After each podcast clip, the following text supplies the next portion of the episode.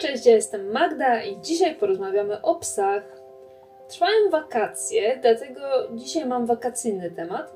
Chciałabym opowiedzieć o moim wyjeździe z psem w Tatry Słowackie sprzed kilku lat, czy może bardziej przekazać tutaj taką garść informacji przydatnych, gdyby ktoś chciał w te Tatry jechać.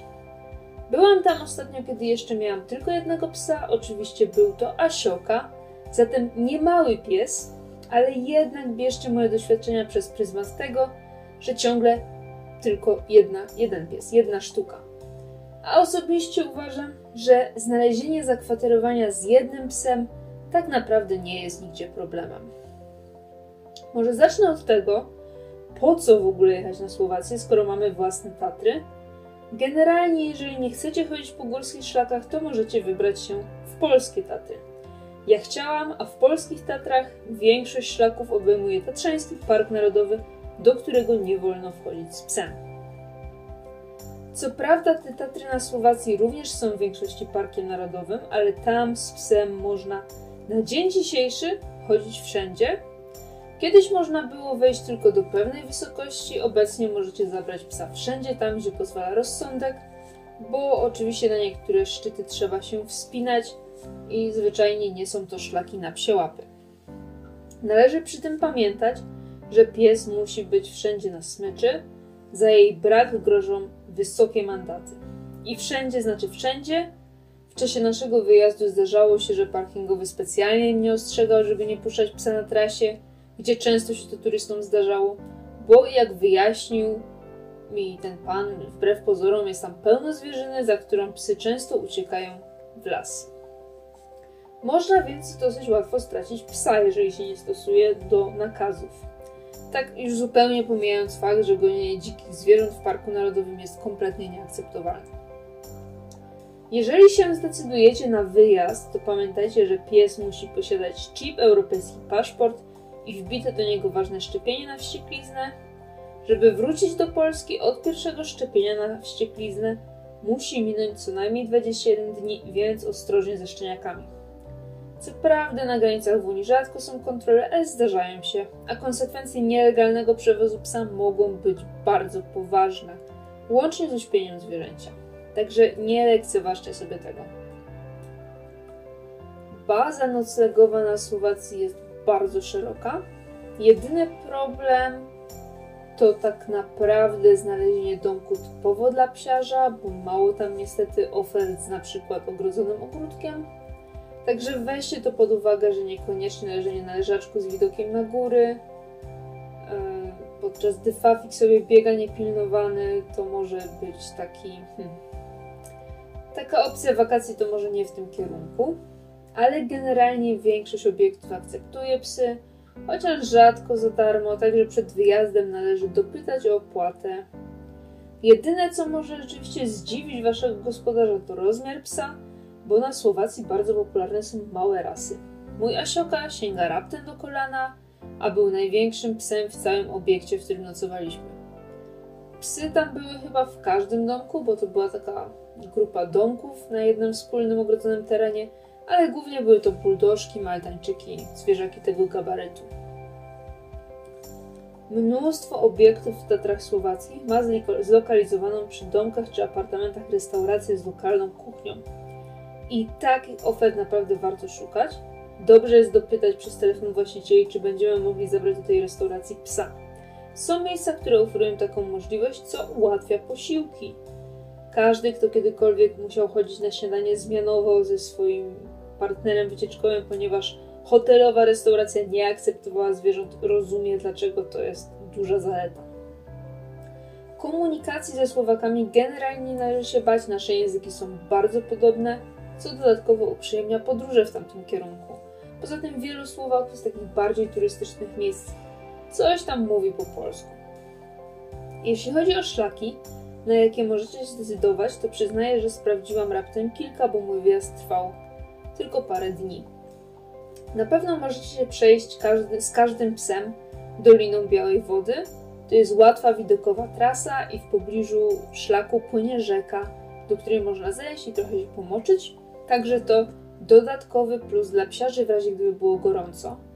a uwierzcie mi, w Tatrach Słowackich potrafi być latem bardzo gorąco. W czasie całego mojego wyjazdu panowały upały, pomimo wychodzenia w góry wcześnie rano, z powrotami nie było już tak przyjemnie.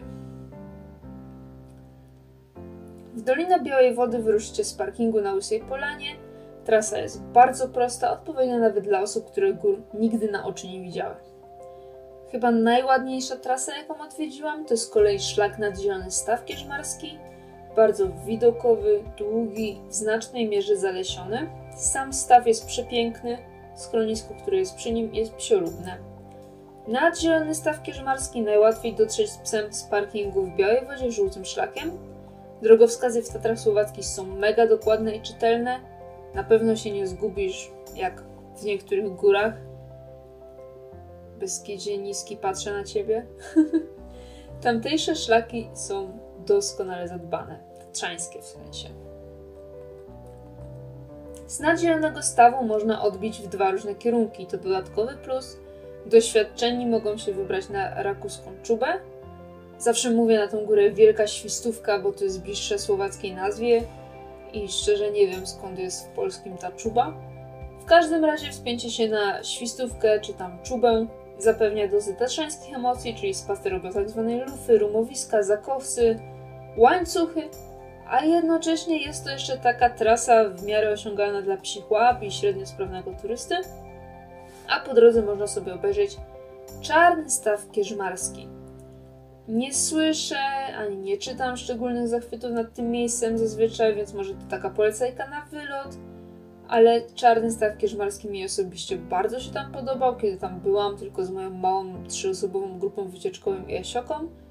To miejsce było ciche i trochę mroczne i wyglądało zupełnie magicznie i tak jakoś zapadło mi w pamięć.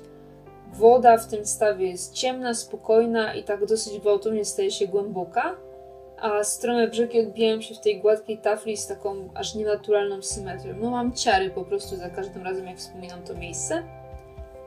Niemniej wchodzenie na świstówkę Welczubę akurat od strony zielonego stawu ma trochę mało sensu, jeśli o planowanie trasy chodzi, więc ja bardziej polecam drugi wariant, yy, czyli odbicie z nadzielonego stawu kierzmarskiego w drugą stronę i z tym wariantem dadzą sobie radę początkujący, chociaż dla niektórych szlak momentami potrafi być wymagający, jest też na pewno łatwiejszy do przejścia dla psów. W czasie mojej wycieczki ten szlak był zniszczony przez intensywne deszcze, więc może, jak teraz myślę, normalnie jest nawet prostszy niż był wtedy. W każdym razie ten szlak, o którym mówię, prowadzi nad wielki biały staw. Po drodze zobaczysz kilka mniej imponujących stawów oraz ponownie wspaniałe widoki. To jest taki bardzo klimatyczny, bardzo stereotypowo tatrzański szlak. Jest tam wszystko, czego można chcieć w Tatrach za cenę niezbyt wielkiego wysiłku. Sam Wielki Biały Staw jest również bardzo piękny, chociaż nie jestem przekonana, czy w ścisłej czołówce tatrzańskich stawów. A dodatkowo, obierając tę trasę, można łatwo zrobić elegancką pętelkę z powrotem na parking, z którego wyruszaliśmy nad Zielony Staw Kierzmarski co się rzadko zdarza przy słowackich szlakach, bo one jednak biegną przez doliny i często trzeba po prostu się wracać tą samą drogą. Jest też jeden szlak, na który ja osobiście nie radzę się specjalnie napalać, pomimo tego, że jest szeroko jakby polecany. Jest to droga nad Popracki Staw. Szlak ten to taka kompletna ikona, taki must go ale ja osobiście nie wspominam go za dobrze.